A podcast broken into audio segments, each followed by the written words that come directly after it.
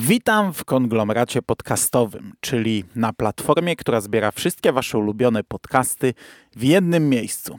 Ja nazywam się Hubert Spandowski, a dzisiaj słuchacie drugiego odcinka trzynastego sezonu świątecznych ho ho horrorów. Żarłok i Skóra i Mando, Jerry, Bogusia, Trzyma oraz nasi goście. Konglomerat podcastowy. wasze ulubione podcasty. w jednym miejscu. zapraszamy. Zapraszamy. Zapraszamy. Zapraszamy. Zapraszamy!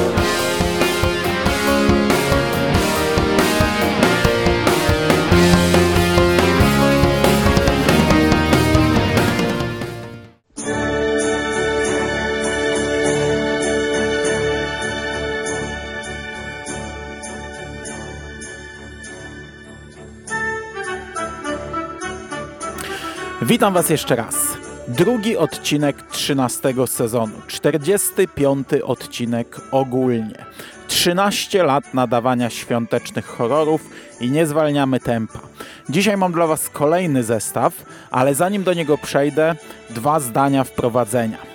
Nagrywam ten odcinek trochę na ostatnią chwilę. Co prawda nie jest jeszcze piątek, nie jest jeszcze sobota ani niedziela, jest czwartek z mojego punktu widzenia, ale w poprzednim odcinku mówiłem dość sporo o tym, że w ten weekend, no z waszego punktu widzenia już e, były weekend, weekend, który jest dla was przeszłością, odbędą się maratony w całej Polsce we wszystkich trzech tych dużych sieciach kin. W Multikinie, Heliosie i Cinema City. Mikołajkowe maratony horrorów i wyraźnie podkreśliłem, że Multikino pod tym kątem e, ma najlepszą ofertę, bo aż trzy świąteczne horrory, a w pozostałych sieciach były to dwa filmy z tego worka. No i ja bardzo się cieszyłem, ja bardzo chciałem iść i nagle Multikino w Bydgoszczy odwołało mi ten maraton. Okazało się, że to Bydgoszcz nie jest jedynym przypadkiem.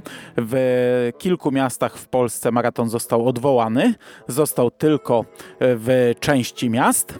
Trochę byłem zły, no bo to by oznaczało, że grę w opętanie obejrzę dopiero po świętach. No i chciałem to wszystko obejrzeć naraz. Do tego Christmas Bloody Christmas, czyli Ścięta Noc. Film, który niby już widziałem, ale widziałem go na komputerze, a teraz obejrzeć go w kinie, no to też frajda. I trochę spontanicznie stwierdziłem, że w sumie co za różnica, czy ja będę w Bydgoszczy, czy ja będę w innym mieście. I postanowiłem pojechać do Poznania. Kupiłem sobie bilet obok Jerego i z mojego punktu widzenia jutro po pracy jadę oglądać świąteczne horrory na dużym ekranie. No i ten czwartek to był tak naprawdę ostatni moment, bo jak ja wrócę w sobotę, nie wiem o której, nie wiem czy będę mógł w dzień odespać, bardzo w to wątpię, więc podejrzewam, że padnę na twarz, a w niedzielę też będę pewnie trupem ale udało się. Znaczy, mam nadzieję, że się uda. No zacząłem, więc już jest pierwszy duży krok do tego, żeby się udało. I to tyle, jeśli chodzi o wstęp. Przejdźmy do mięcha, a dzisiaj mam dla Was dwa filmy fabularne, trzy historie z antologii, która jest tematem tego sezonu świątecznych horrorów i jedną książkę.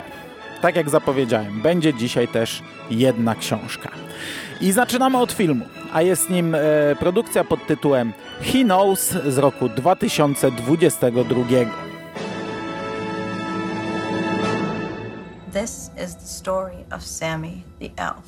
Now, while Santa goes out and delivers presents to all the good girls and boys, Sammy, he goes out and punishes the naughty ones.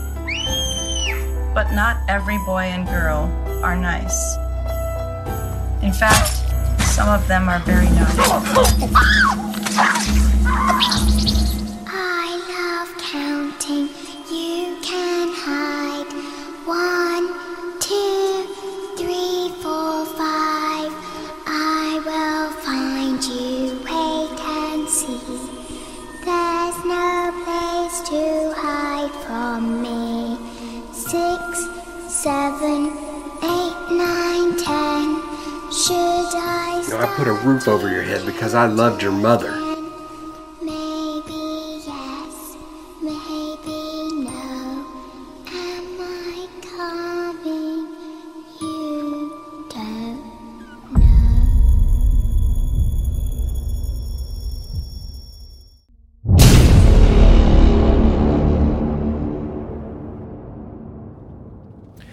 He Knows, rok 2022, film sprzed roku. Film dosyć długi, bo trwa godzinę 40. No, w poprzednim odcinku to były filmy raczej 70-80 minut, także godzina 40, 100 minut to jest całkiem sporo. E, ja ten film rok temu on trafił do mnie na celownik, ale trochę o nim zapomniałem i teraz zupełnie przypadkiem przypomniało mi się, okazało się, że e, no, mam możliwość obejrzenia go, więc się za niego zabrałem, ale tak naprawdę to w tym tygodniu on wpadł mi do tego mojego worka świętego Mikołaja. Czy miałem jakieś oczekiwania? Ciężko powiedzieć, bo ten plakat tego filmu, on jest oczywiście zimowy, ale jest e, mało świąteczny i jest taki e, nietypowy. To jest plakat rysunkowy, na którym widzimy mm, no, najprawdopodobniej mordercę z dość dziwną twarzą. Obejrzałem sobie trailerki i ten teaser trailer jest fajny, jest świąteczny, ma fajną y, muzykę, piosenkę świąteczną, jest ok. Przeskoczyłem sobie po pasku, gdy już miałem ten film i powiem wam, że moje oczekiwania trochę wystrzeliły, bo ten film wyglądał dość profesjonalnie, tak wiecie, skacząc e, migawki scena po scenie. Do tego może i na plakacie ten, e, ten złol wyglądał tak sobie, przez to, że on był rysunkowy. Ja nie wiedziałem trochę czego się spodziewać, czy to jest taka przerysowana kreska, czy on tak będzie wyglądał. Ale gdy zobaczyłem maskę mordercy na zdjęciach, no to ona wyglądała całkiem okej. Okay. No i właśnie, maskę mordercy, bo to jest slasher. Przy czym tutaj mordercą nie jest święty Mikołaj, a jest to sami elf. I właśnie pierwsza scena tego filmu wprowadza nam elfa Samiego. Poznajemy rodzinę, e, córkę, e, jej brata, troszeczkę starszego.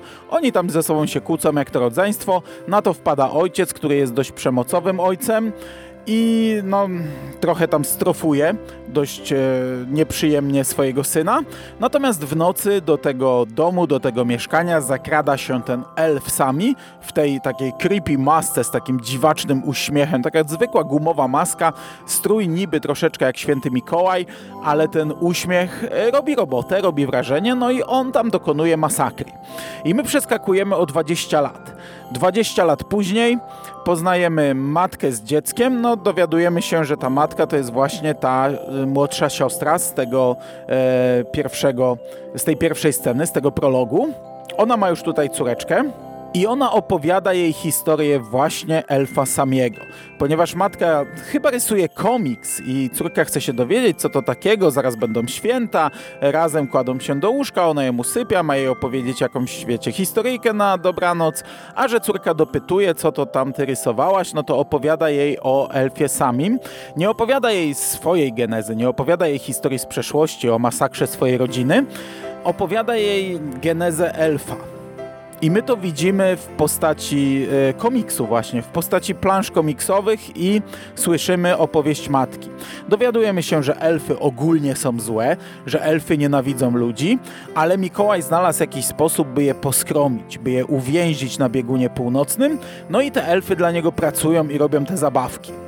No i jako, że mm, Mikołaj był smutny, bo nie miał swoich dzieci, to elfy zrobiły tego samiego.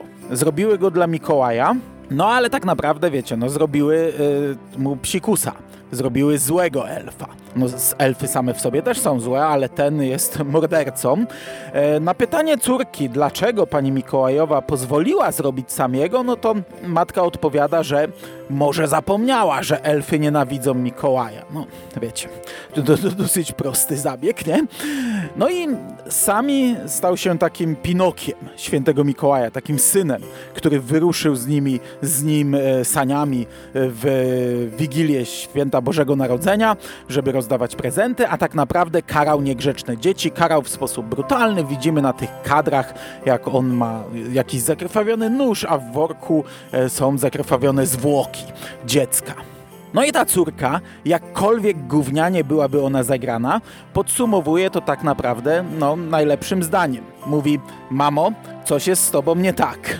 My przechodzimy dalej, poznajemy relacje pomiędzy tymi bohaterami, poznajemy trochę życie głównej bohaterki, dowiadujemy się trochę o przeszłości, że tak naprawdę jej brat zaginął tamtej nocy, zniknął i od 20 lat nie ma z nim kontaktu. Poznajemy relacje rodzinne tej całej tutaj rodziny, bo to jest właśnie matka, córeczka, babcia tej córki, kochanek babci, który jest szeryfem tutaj głównym policjantem. E, właśnie ta córka, ojciec córki i jego partnerka, bo e, rodzice nie żyją razem, ich znajomi, ich nieznajomi, tego jest tutaj całkiem sporo i tak naprawdę w pewnym momencie wraca sami, po tych 20 latach wraca sami i robi małą masakrę wśród miejscowych. Dowiadujemy się, że te 20 lat temu no to nie był jedyny dom, który odwiedził sami, że tak naprawdę w miasteczku on wtedy przez tę wigilijną noc przeszedł przez to miasteczko, zostawiając krwawy ślad za sobą. Teraz znów zaczyna mordować, a jednocześnie matka gdzieś tam znika na noc, wraca z jakąś e, raną na czole, nie wiemy co się dzieje, nie wiemy o co chodzi. No i finał tej całej opowieści rozgrywa się w święta. Ojciec tej córki zabiera ją ze sobą, ją yy, z, z nią, ze swoją partnerką, ze znajomymi i nieznajomymi wyjeżdżają do takiej posiadłości, takiej zamkniętej posiadłości, wielki dom e, otoczony płotem, murem, no i sami dostaje się do środka i robi tam rzeźnię. No i na koniec, jak to w slasherze, mamy scenę ściągnięcia maski i ja wam powiem, że ta scena najlepiej podsumowuje ten film, bo gdy morderca ściąga maskę, to ja nie wiedziałem, kto to jest. Ja nie, nie, nie potrafiłem skojarzyć, kim jest morderca. E, musiałem jeszcze raz wrócić, przeskrolować ten film, poszukać tej twarzy. No i w końcu go namierzyłem w tym filmie, ale ogólnie nawet gdy go namierzyłem, to uważam, że to jest mega słabe. I podsumowując całość, to jest ogólnie bardzo średni film.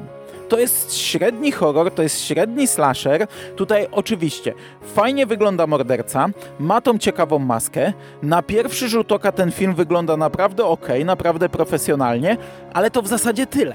Cała historia jest raczej biedna, raczej nudna, trochę chaotyczna, bo mamy tutaj przeszłość, teraźniejszość i tak naprawdę mm, dopiero na końcu nam się trochę tłumaczy, co jest przeszłością, co jest teraźniejszością. Na końcu, po ściągnięciu maski, niby mamy wyłożone te motywacje, mamy kolejną retrospekcję pokazującą nam kilka rzeczy i trochę dostajemy podbudowę, wytłumaczenie nawet tej pierwszej sceny, tego prologu, ale też tego, co dzieje się teraz, ale to wszystko jest takie drętwe, takie biedne, takie, takie naprawdę słabe. A do tego, no, ci bohaterowie są. E, są. są kiepscy. No i jeśli ja nie rozpoznaję mordercy, no to najważniejsza scena w slasherze, w każdym slasherze, e, jeśli ona nie działa, no to, to coś jest nie tak, nie? Jeśli chodzi o aktorstwo, no to dorośli jeszcze jako tako grają. Mają momenty, że jest bardzo źle, ale jako tako grają. Ale ta córeczka to jest po prostu jak dziecko z klanu, jak zem, jak miłość, jak z polskiego serialu, nie? Koszmarnie, koszmarnie recytuje po prostu te zdania, które ma wypowiedzieć. Ten film ma klimat świąteczny, jak najbardziej. Jest świąteczny pełną gębą, ale to nie niesie ze sobą tej lekkości. Ten film, tak jak mówię, on wygląda profesjonalnie, ale mimo wszystko jak się ogląda, to czuć tą amatorkę. On jest taki, taki, taki toporny w tym. Na przykład e, dźwięki, jakie tutaj mamy, są... O Jezu! Wiecie, gdy ktoś mówi e, zdanie, na przykład córka mówi ten Sami jest trochę straszny, jak spojrzała w ten komiks. I w tym momencie mamy taki niepokojący jingle po prostu podłożony. To, to, to jest. To, to, tak wybija, nie? Bo to, to nie jest jedyna taka scena. Tutaj jest to co chwilę coś takiego, tak, tak, takie dziwaczne włożenie, żeby podkreślić to, co zostało powiedziane, co my wszyscy rozumiemy i co jest niepotrzebne, nie?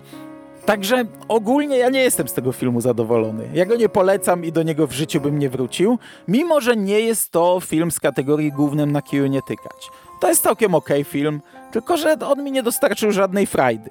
Mamy niby scenę po napisach i wam powiem, że ta scena też jest nudna, ona się ciągnie, ja ją oglądajmy i mówię, kiedy ona się skończy, nie? Ach. Ten film ma ocenę na IMDb 4 na 10 przy 146 oceniających. Eee,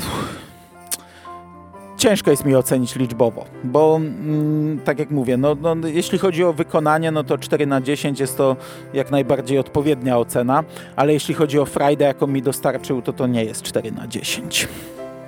No dobrze, to może teraz e, przyszedł czas, żeby przejść do tej książki, o której powiedziałem. Jak na razie dopiero raz wyszliśmy poza filmy w tej serii. Przed rokiem omówiłem jeden komiks. W tym roku mam w planach e, zrobić to e, więcej razy, no ale już przynajmniej jeden raz się uda za chwileczkę. I chciałbym opowiedzieć o książce z serii Fear Street, czyli Ulica Strachu, autorstwa R.L. Steina pod tytułem Cicha noc.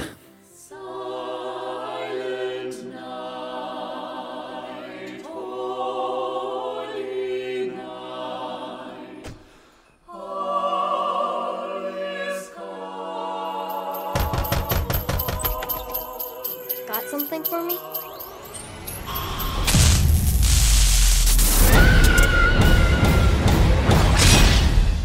Christmas Eve is the scariest damn night of the year.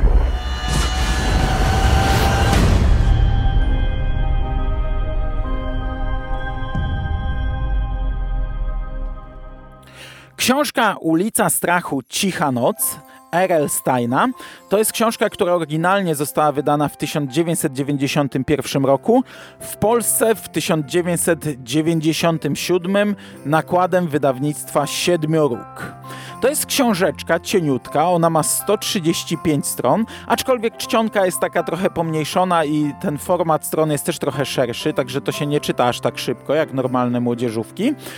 I tak naprawdę ja już po pierwszym takim googlowaniu, jak sobie wyszukiwałem okładkę, to bez żadnego większego researchu znalazłem przynajmniej dwie świąteczne gęsie skórki tego autora, bo on jest autorem no, kilku rzeczy, ale te dwie jego takie sztandarowe serie z tamtego okresu to jest Gęsia Skórka dla trochę młodszych czytelników i Ulica Strachu dla ciut starszych, nastolatków.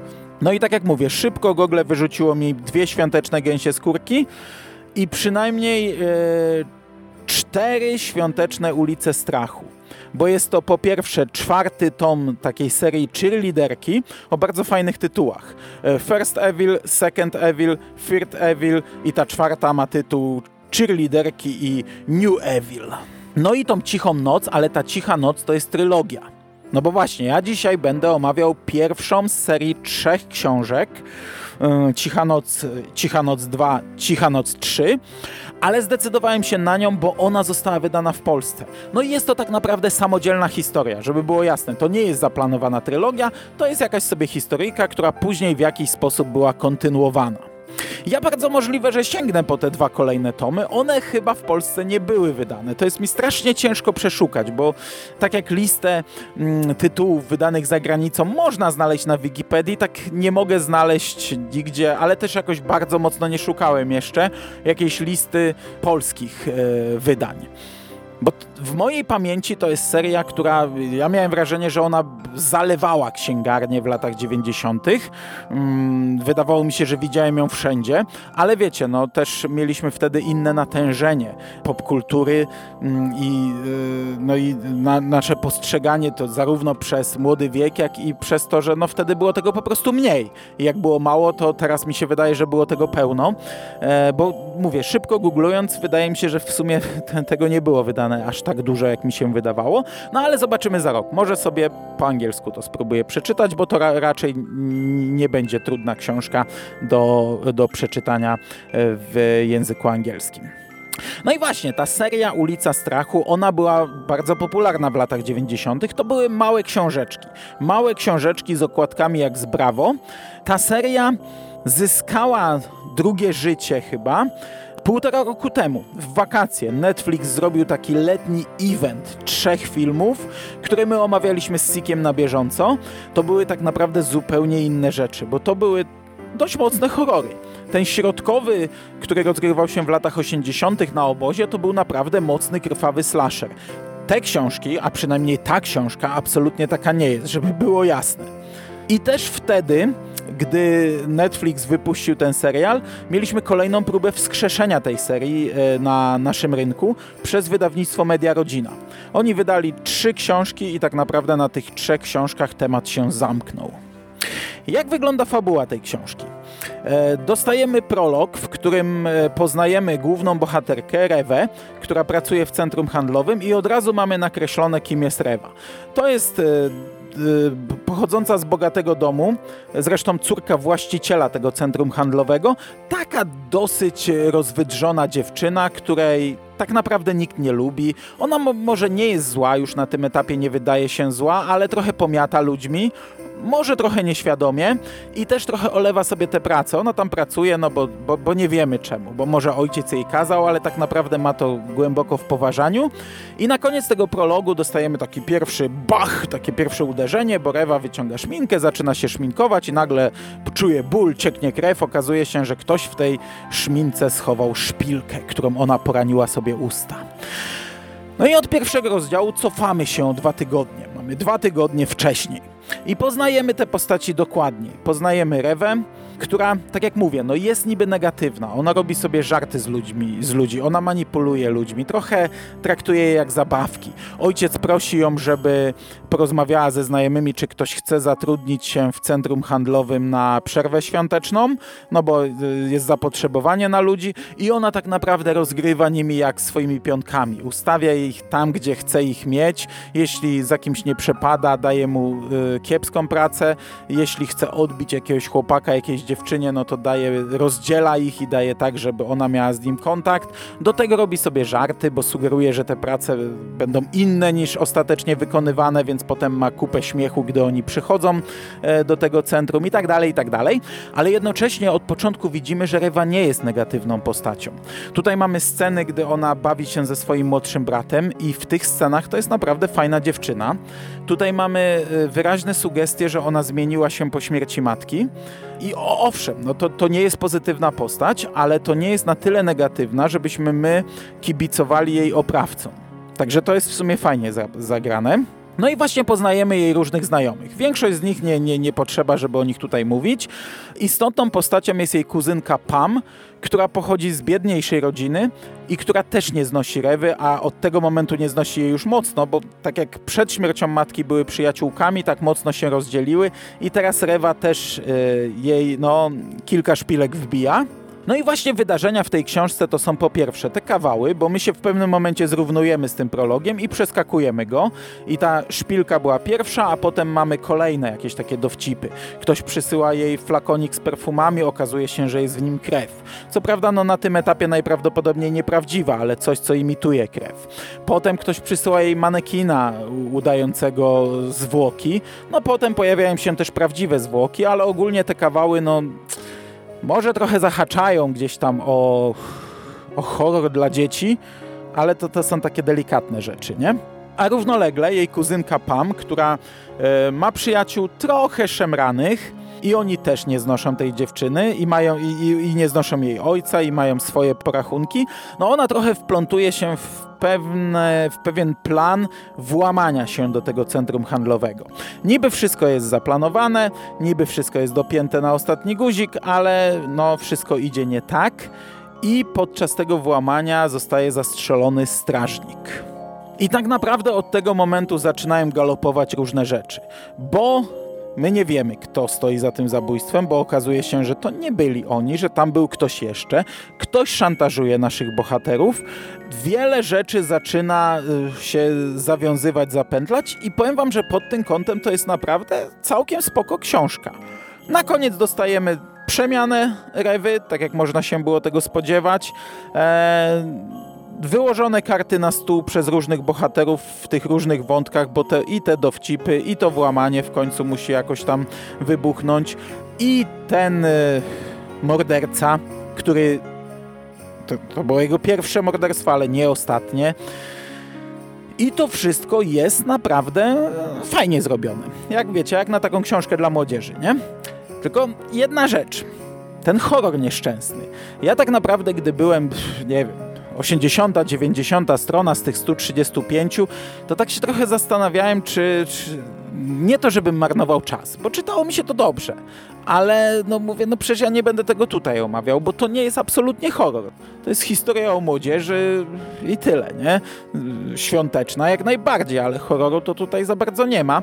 No, finalnie ten, ten finał cały, no to był taki, taki finał jak ze slashera troszeczkę. No, morderca ujawnia się e, i od biedy można to tutaj podpiąć, ale żeby było jasne. Tak jak czytało mi się to całkiem nieźle, tak jak to jest całkiem fajna młodzieżówka, to jeśli nastawicie się na horror, to będziecie rozczarowani, zakładając, że ktoś chciałby po to sięgnąć. Jeśli chodzi o święta, no to ta atmosfera przedświąteczna głównie jest no, gęsta. No mamy centrum handlowe, czyli pewnie jedną z, jedno z ważniejszych, bardziej świątecznych miejsc przed świętami. E, mamy tam tego świętego Mikołaja, który bierze te dzieciaki na kolana i, i, z nimi rozmawia. Mamy dekoracje, mamy to całe szaleństwo zakupów, no jest tego dużo, a w samym finale, który jest już e, w zamkniętym centrum handlowym, w, gdzieś tam pod wieczór, no też jest fajnie, bo tam już jest to wyciszone, trochę ściemnione centrum, ale ktoś włączył muzykę, leci cicha noc i ta cała potyczka między mm, główną bohaterką a e, złolem rozgrywa się w takiej scenerii i to robi klimat. Jeśli chodzi o zimę, ta też tutaj jest. Jest śnieg, jest, jest mróz, to jest podkreślane. To jest zimowy okres przedświąteczny i to się czuje. No ale tego horroru jest tutaj e, jak na lekarstwo. Przy czym e, ja wam powiem, że do tej książki zbierałem się długo bo miałem ją na celowniku od jakiegoś czasu, kupiłem ją chyba ze dwa lata temu i co roku w zasadzie otwierałem ją i zaczynałem czytać, ale jakoś nie mogłem się przez nią przebić. W tym roku postanowiłem się przebić i ten początek też tak mi tak, tak se wchodził, ale jak już się przebiłem, no to nie to, żebym ją łyknął jakoś tam, wiecie, no to kilka dni mi zajęło, ale czytało mi się całkiem nieźle.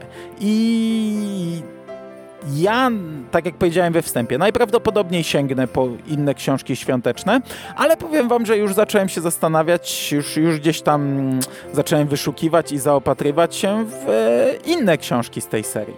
I na przykład jest taka zimowa Ski Weekend, e, może teraz po świętach, może sobie ją przeczytam, a czemu nie?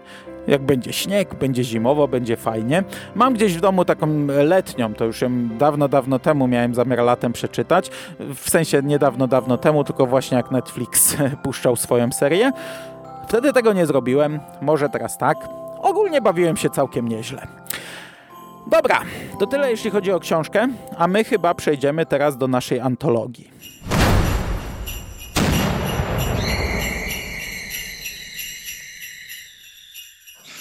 Before Satan Claus breezed in here, you were making some kind of a point? I was just saying that Christmas is a shame. Oh, Christ, not this again. This time of year, when I was very young, my great grandmother would sit us all around a roaring fire and scare the pants off us with creepy stories. Scary stories on Christmas Eve? What makes you think those are going to make a comeback? Trust me, I know a thing or two about resurrection. I love that idea. I say we each take turns telling two stories. Whoever tells the worst one picks up the tab. Good idea. I suggest we dig up some old ghosts.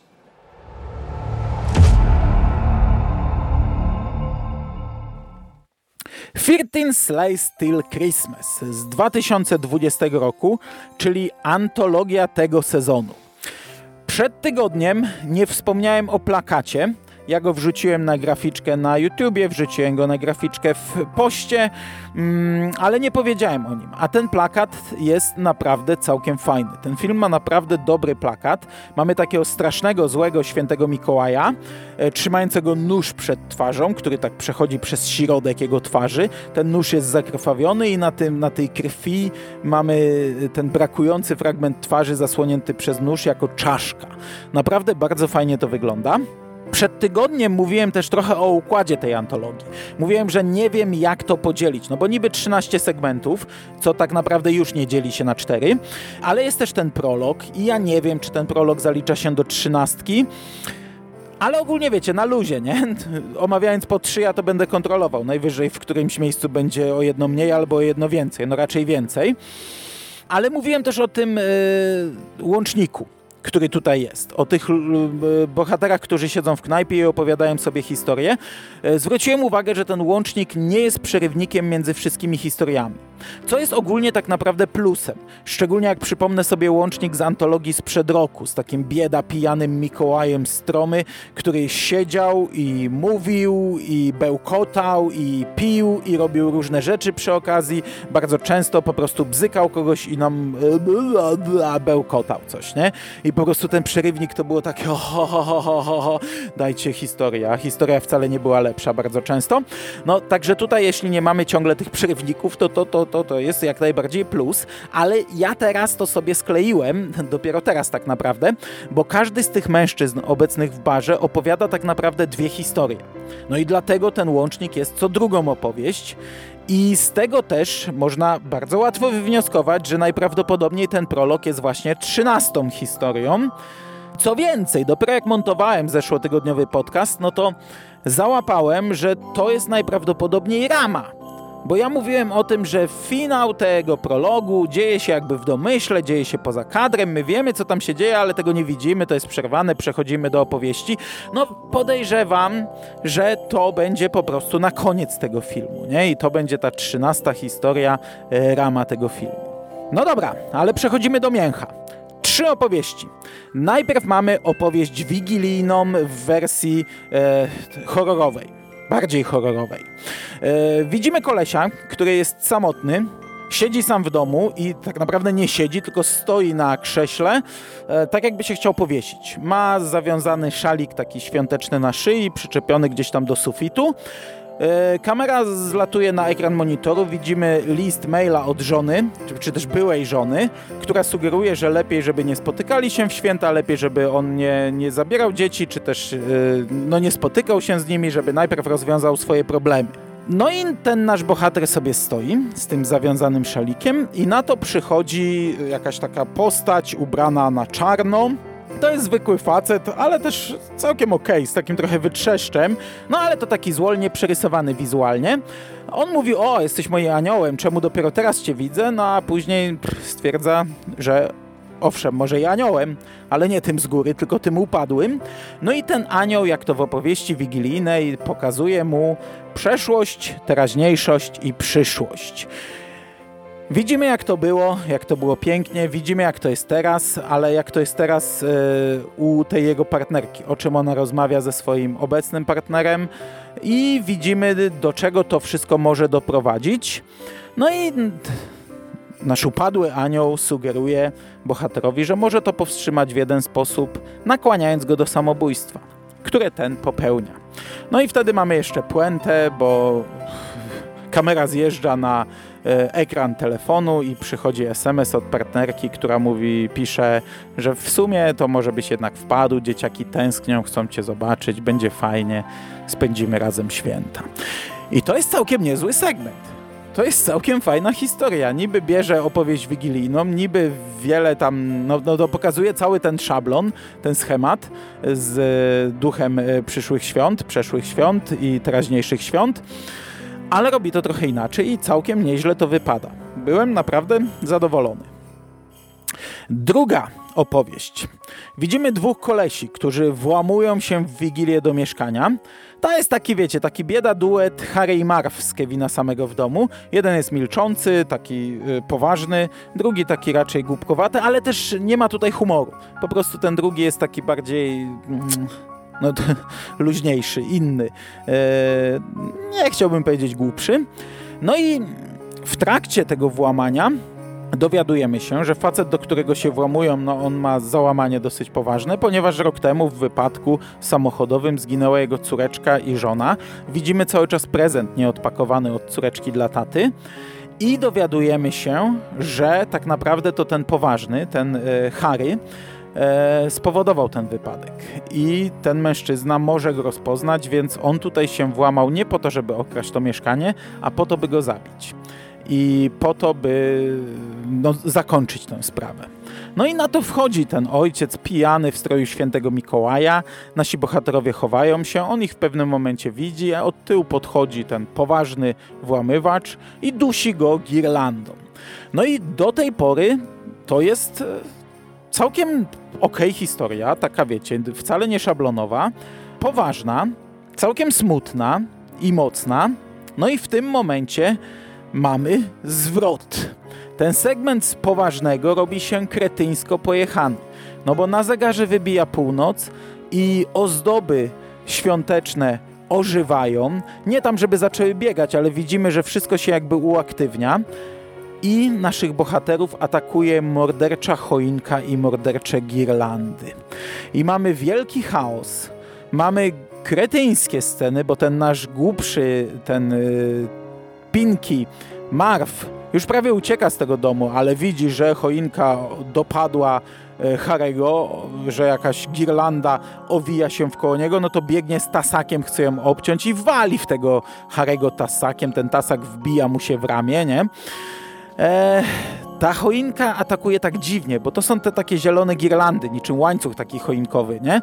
Te takie sznurki choinkowe i one wystają z tej choinki jak ręce, one wystrzeliwują z niej, jakby to były ręce tej choinki, no jest to głupie, dziwne eee, i takie kretyńskie. I na końcu zresztą ta jedna girlanda owija, tak jakby łapie za rączkę tasaka, bierze zamach i, i, i ciachnie, w ten sposób zabija. Inne tam gdzieś oplatają i w domyśle rozrywają chyba e, bohatera. No, jedna część i druga część jest fajna. Tylko, że e, po złączeniu razem są e, przedziwnym e, zestawem, przedziwnym segmentem. Bo ja bardzo kupuję tę pierwszą część, poważną, mocniejszą, kupuję też tę taką porąbaną, drugą. Ale razem, no to tak nie bardzo to kupuję. I po tym segmencie trochę zrozumiałem skórę, który po naszym e, takim wigilijnym słuchowisku w Radio SK, które nagraliśmy 10 lat temu, to było już 10 lat temu, ten podcast jest do przesłuchania, to jest, tam jest wszystko. To jest found footage, to jest e, zakamuflowany audiobook jednego opowiadania z dzieciństwa Stephena Kinga i to jest opowieść świąteczna. Aktorsko, wiecie, bieda, no ale dobra, no nie czepiajmy się. Yy, znaczy wy możecie, no ja już sobie przemilczę ale ja tam wtedy miałem w pomyśle, że w, miałem wymyślone, że końcówka będzie właśnie taka głupia, e, taka, mm, taka świąteczno-horrorowa i pamiętam, Skóra mocno chciał mi to wybić z głowy wtedy, bo mówi, stary, no to jest dość fajne, to jest dość klimatyczne, to jest taka ta, fajna klimatyczna historia, a ty ją rozbijasz na koniec jakimś głupim żartem, nie? Yy, nie ugiąłem się wtedy. Ja mówię, to był mój punkt wyjścia. To ja do, do, tego prowadziłem tę opowieść, to miało być takie głupie, nie?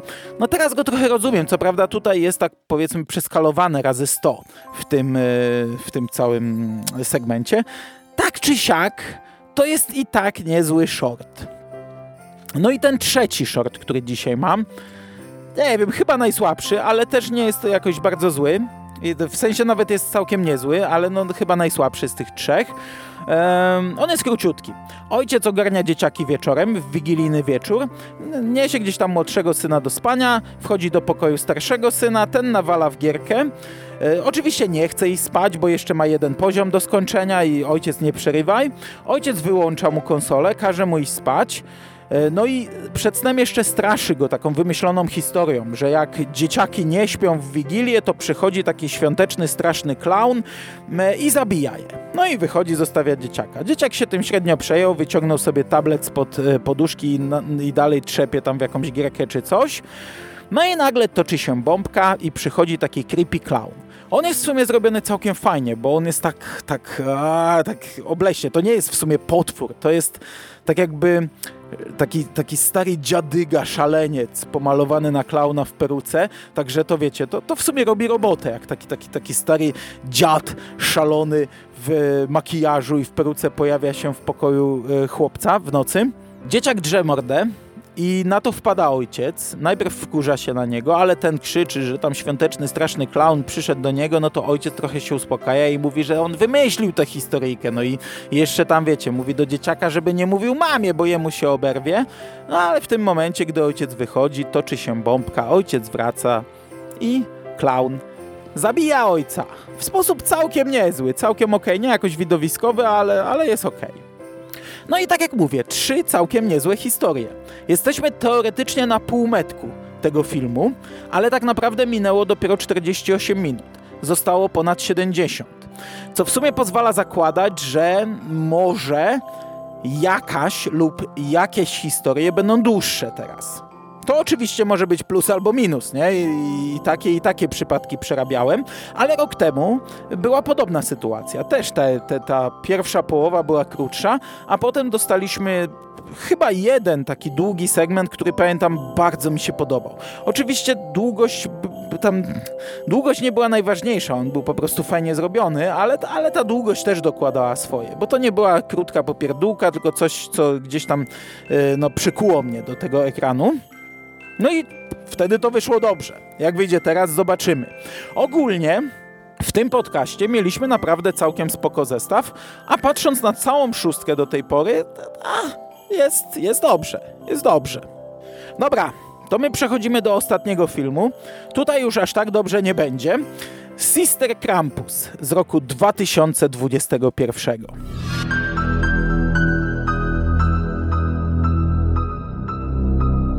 We need to get out of here.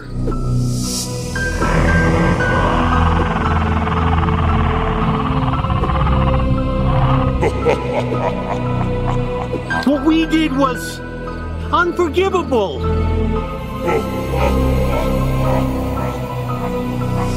Please, Mother Superior, they took me and forced me to lay with them. Find your own way. This convent is no longer your home.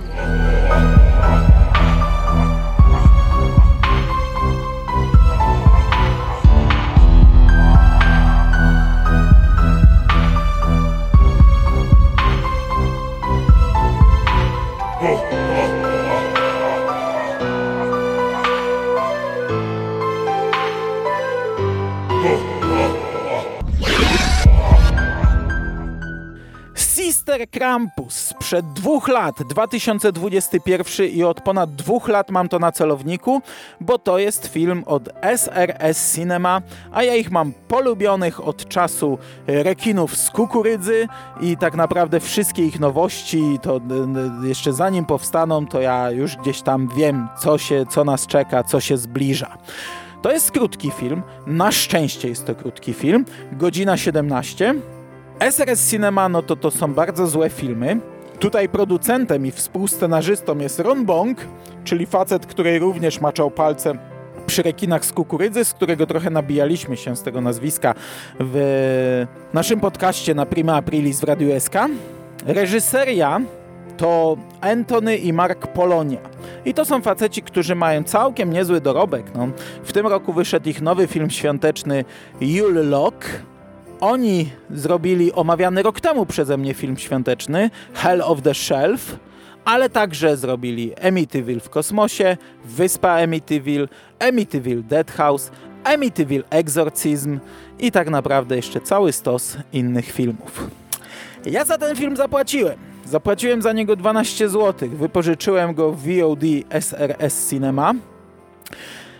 Okładka tego filmu jest klimatyczna. Jest klimatyczna na miniaturce. Ona jest bardzo świąteczna, bardzo kolorowa. Znaczy są dwa plakaty. Ja na przykład na graficzce e, okładkowej wykorzystałem ta, taki bardziej stonowany, inne kolory, ale na tle na YouTubie już jest ten taki kolorowy, świąteczny z tymi takimi e, mocno podbitymi kolorami lampek i całości ale tak naprawdę no, ona jest klimatyczna na miniaturce, na powiększeniu jest kiczowata, na powiększeniu do normalnych rozmiarów.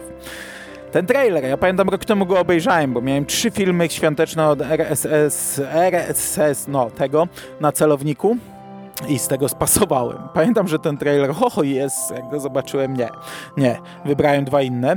E, tak naprawdę ten film jest lepszy niż te dwa inne. Od tego Psycho Santa 2, który omawiałem przed y, rokiem, no to jest jakieś 10 razy lepszy, albo i ze 100 razy lepszy. Od Rekinów w kukurydzy też jest 10 albo i 100 razy lepszy, a to nadal jest zły film.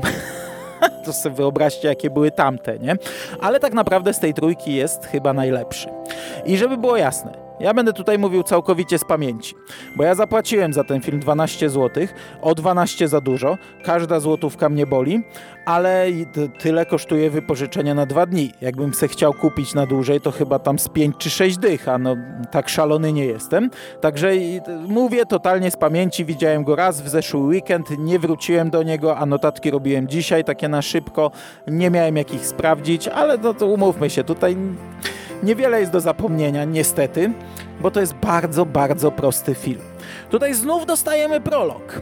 Austria 1943 roku, druga wojna światowa, Wigilia. Dostajemy taki napis na ekranie i widzimy tę Wigilię. To jest zielone pole, błękitne niebo, normalnie kolory jak z Windowsa, z tej, z tej planszy otwierającej i jednego żołnierza, takiego bida, takiego wieśniaczka, takiego w wyciągniętym stroju z kaskiem za dużym, takiego stojącego w centralnym punkcie. No i w tym prologu właśnie poznajemy trzech żołnierzy ostatecznie, amerykańskich żołnierzy, którzy wyglądają nawet nie jak z cosplayu, bo cosplayerzy wyglądają bardzo często całkiem dobrze. Oni wyglądają jak z jakiegoś przedstawienia szkolnego, gdzie pani powiedziała, żeby każdy przyniósł coś, co się nada na mundur i każdy przyniósł coś, co niekoniecznie jest mundurem, ale chociaż jest zielone i to wszystko ubrali losowo y, w różnych miejscach. Jeden jest na przykład w zielonej czapeczce z daszkiem, na to hełm nałożony. A, no dobra nieważne. Oni stoją tam w tym lasku sobie i rozmawiają o tym, że właśnie dokonali gwałtu na siostrze zakonnej i my widzimy, że ta siostra zakonna zostaje wyrzucona przez e, jakąś tam matkę przełożoną z tego e, zakonu, z tego klasztoru. Ona zostaje wyrzucona na ziemię, ta na nią krzyczy, że zbrukała się, że dała się, oddała się tym żołnierzom, ciul tam, że tu doszło do przemocy seksualnej, nieważne. No ta siostra odchodzi, i spotyka Krampusa, który tam do niej mówi, o ty moja siostrzyczko tamten, nie? Oczy mu się świecą taką poświatą, no i Krampus dokonuje tutaj zemsty. E, zabija tych żołnierzy, jak się potem okazuje, jednego tak naprawdę przemienia w zombiaka, który będzie towarzyszył naszej siostrze Krampus.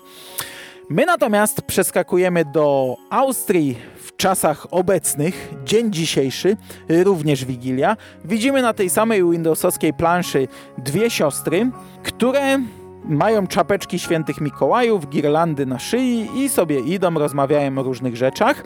I tak naprawdę resztę tego filmu to można streścić w trzech zdaniach.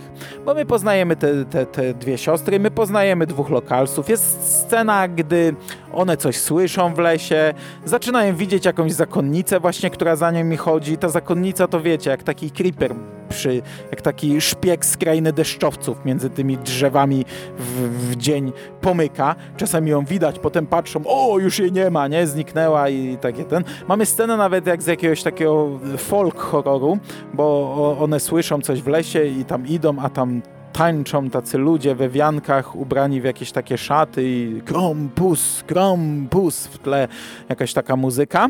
Poznajemy lokalnych ludzi, poznajemy jakąś panią z e, lokalnego baru, lokalnego hotelu. Eee, I tak naprawdę finalnie, bo, bo one, one w międzyczasie nawet wpadają na tę siostrę i z nią rozmawiają, ona im coś opowiada, a te mówią, no kurczę, przecież to było dawno, ty nie możesz tego pamiętać. O, nie, nie, ja nie pamiętam, ja to tylko słyszałam, ale opowiada na tyle, że one potem kleją fakty, że coś jest tutaj nie tak, potem znajdują zdjęcie, okazuje się, że o, to jest siostra sprzed tylu lat, nie? No i finalnie dochodzi do konfrontacji w tym klasztorze. Ta siostra, która jest w normalnym, wiecie, stroju czarnym, zakonnicy, czasami ma te rogi zakręcone na górze i coś z oczami nie tak, ona wygląda mniej więcej tak jak na tej okładce, no nie zawsze jest z tymi rogami. Ta siostra wykłada nam o co jej chodzi, wykłada nam swoje motywacje, mówi to jednej z tych sióstr, w sensie siostra zakonna mówi jednej z tych dwóch sióstr. Tego troszkę nie pamiętam, ale to mniej więcej było coś, że ona co roku w Wigilię musi wybrać osobę, by, by jakoś tam wchłonąć jej energię życiową czy coś tam, żeby mogła funkcjonować tak jak funkcjonuje. No i mamy tę finałową walkę w tym opuszczonym klasztorze. Z pomocą naszym bohaterkom przychodzi lokalna wieśniaczka, ta właśnie z tego baru. one wygrywają w pewien sposób i tam jeszcze na koniec mamy taki ha, ha, ha, żartobliwy twist, bo nasz Krampus okazuje się być tak naprawdę dobry, był więźniem tej zakonnicy i takie pierdoły na koniec już w ogóle ci on im w ramach zadośćuczynienia spełnia życzenia, daje prezenty, ludzie, którzy umarli, żyją. O, to jest ta, ta, ta kretyńska ta końcówka, nie? No dobra, no ale to jest cała historia, nie? To aktorstwo, powiem wam, że nie jest tak źle. Szczególnie jak się ma doświadczenie w temacie tego tutaj dystrybutora filmów. Mm, ten film ogólnie też nie wygląda źle. Ale to znów w porównaniu, bo ja naprawdę widziałem kilka filmów i one były koszmarne, one wyglądały tragicznie. To, był, to, to, to, to, był, to był taki bełkot, którego nie dało się oglądać, audiowizualny i scenariuszowy, a to się ogląda. No to jest słabe, to jest kiepskie, to jest głupie, ale nie miałem takiego momentu nawet, żeby jakoś tam spauzować. Przeleciało sobie. Bezboleśnie, zadziwiająco. To, ale też moje oczekiwania, wiecie, leżały w rynsztoku, nie? Jeżeli chodzi o zimę, no to jej brak. Nie ma jej tutaj. Te, te, ten film w większości, tutaj mamy akcję w plenerze, na łące, w lesie, jest zielono, jest jasno, słonecznie. E, no i tak to po prostu wygląda przez prawie cały film. I, I, pojedyncze osoby sobie chodzą w tym plenerze. To wygląda jak fanfilm. Y, jak, jak kiedyś y, gwiezdnowojenne fanfilmy się kręciło, to jak były w plenerze, to, to, to, to, to tak mocno się fanom wryło w banie, że potem jak był odcinek Mandalorianina w plenerze, to, to, to wszyscy aha, że to wygląda jak, fan, jak, jak fanfilm, nie? E, dobra, nieważne. Święta. Jeżeli chodzi o święta, no to one tu są oczywiście. Fabularnie mają jakieś tam znaczenie, plus są rekwizyty, ale to wiecie, no to są głównie takie właśnie rekwizyty, te główne bohaterki w tych czapkach chodzą, mają te takie mieniące się, takie, takie błyszczące girlandy zawiązane na szyjach i tak dalej, nie? Tego tu trochę jest. Ten film jest świąteczny, no ale, ale taka bida, nie? Ocena na IMDB 3,5 na 10. Przy 52 oceniających, no szalone liczby widzów oceniają te, te, te filmy wszystkie, które tutaj omawiam. I to w zasadzie byłoby dzisiaj na tyle.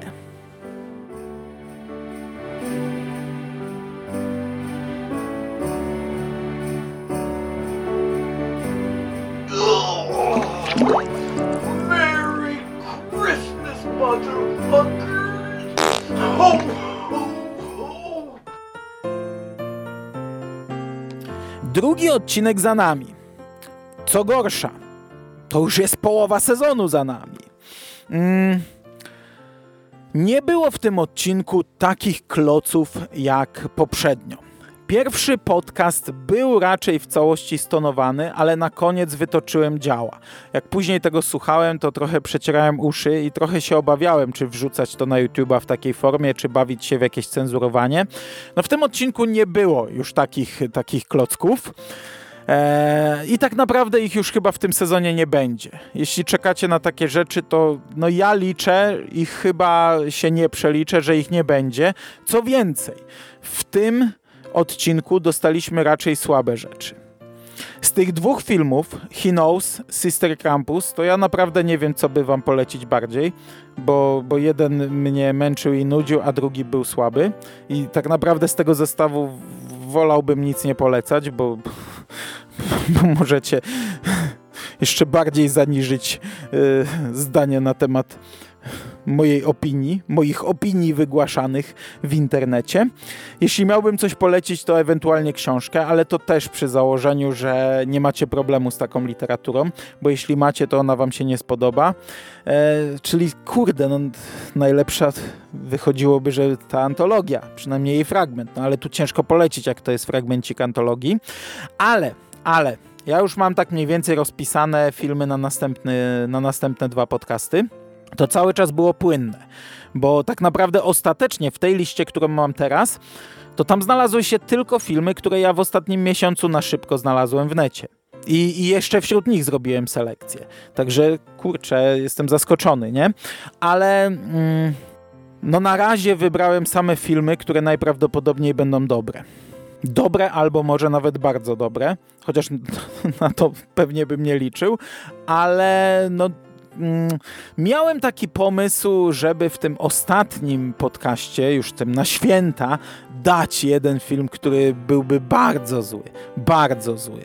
Ale ostatecznie wleciał mi taki film, który wygląda całkiem nieźle i tak sobie pomyślałem, czy ja naprawdę chcę się kopać na sam koniec, y, czy ja chcę kopać leżącego, leżącego z, już skopanego wielokrotnie, czy ja jeszcze chcę sobie tam dowalić na sam koniec? No chyba nie chcę, chyba nie chcę, szczególnie w tym ostatnim odcinku. Także ja się w sumie cieszę, bo możliwe, że mam przed sobą filmy ok, filmy dobre, może bardzo dobre. Nie wiem, jak to wpłynie na podcasty, bo wiem, że pewnie lepiej się słucha, jak opowiadam o Dixonie, który robi kupę na ścianie. Zobaczymy. Przyszłość w ciągłym ruchu jest. Okej. Okay. Ja tymczasem zbieram się już powoli, bo dzisiaj planowałem się wyspać. Wczoraj też planowałem i przedwczoraj i tak całe życie planuję, ale dzisiaj planowałem iść spać wcześniej, bo jutro praca, potem wyjazd do Poznania, a potem nocka w kinie. Gdy wy tego słuchacie, ja już jestem po maratonie i mam nadzieję, że jestem zadowolony. Natomiast wy dowiecie się już niebawem, czy zadowolony byłem, a na dzisiaj to będzie wszystko. Dziękuję wam bardzo za uwagę, trzymajcie się ciepło, już za chwilę święta, do usłyszenia już niebawem, cześć!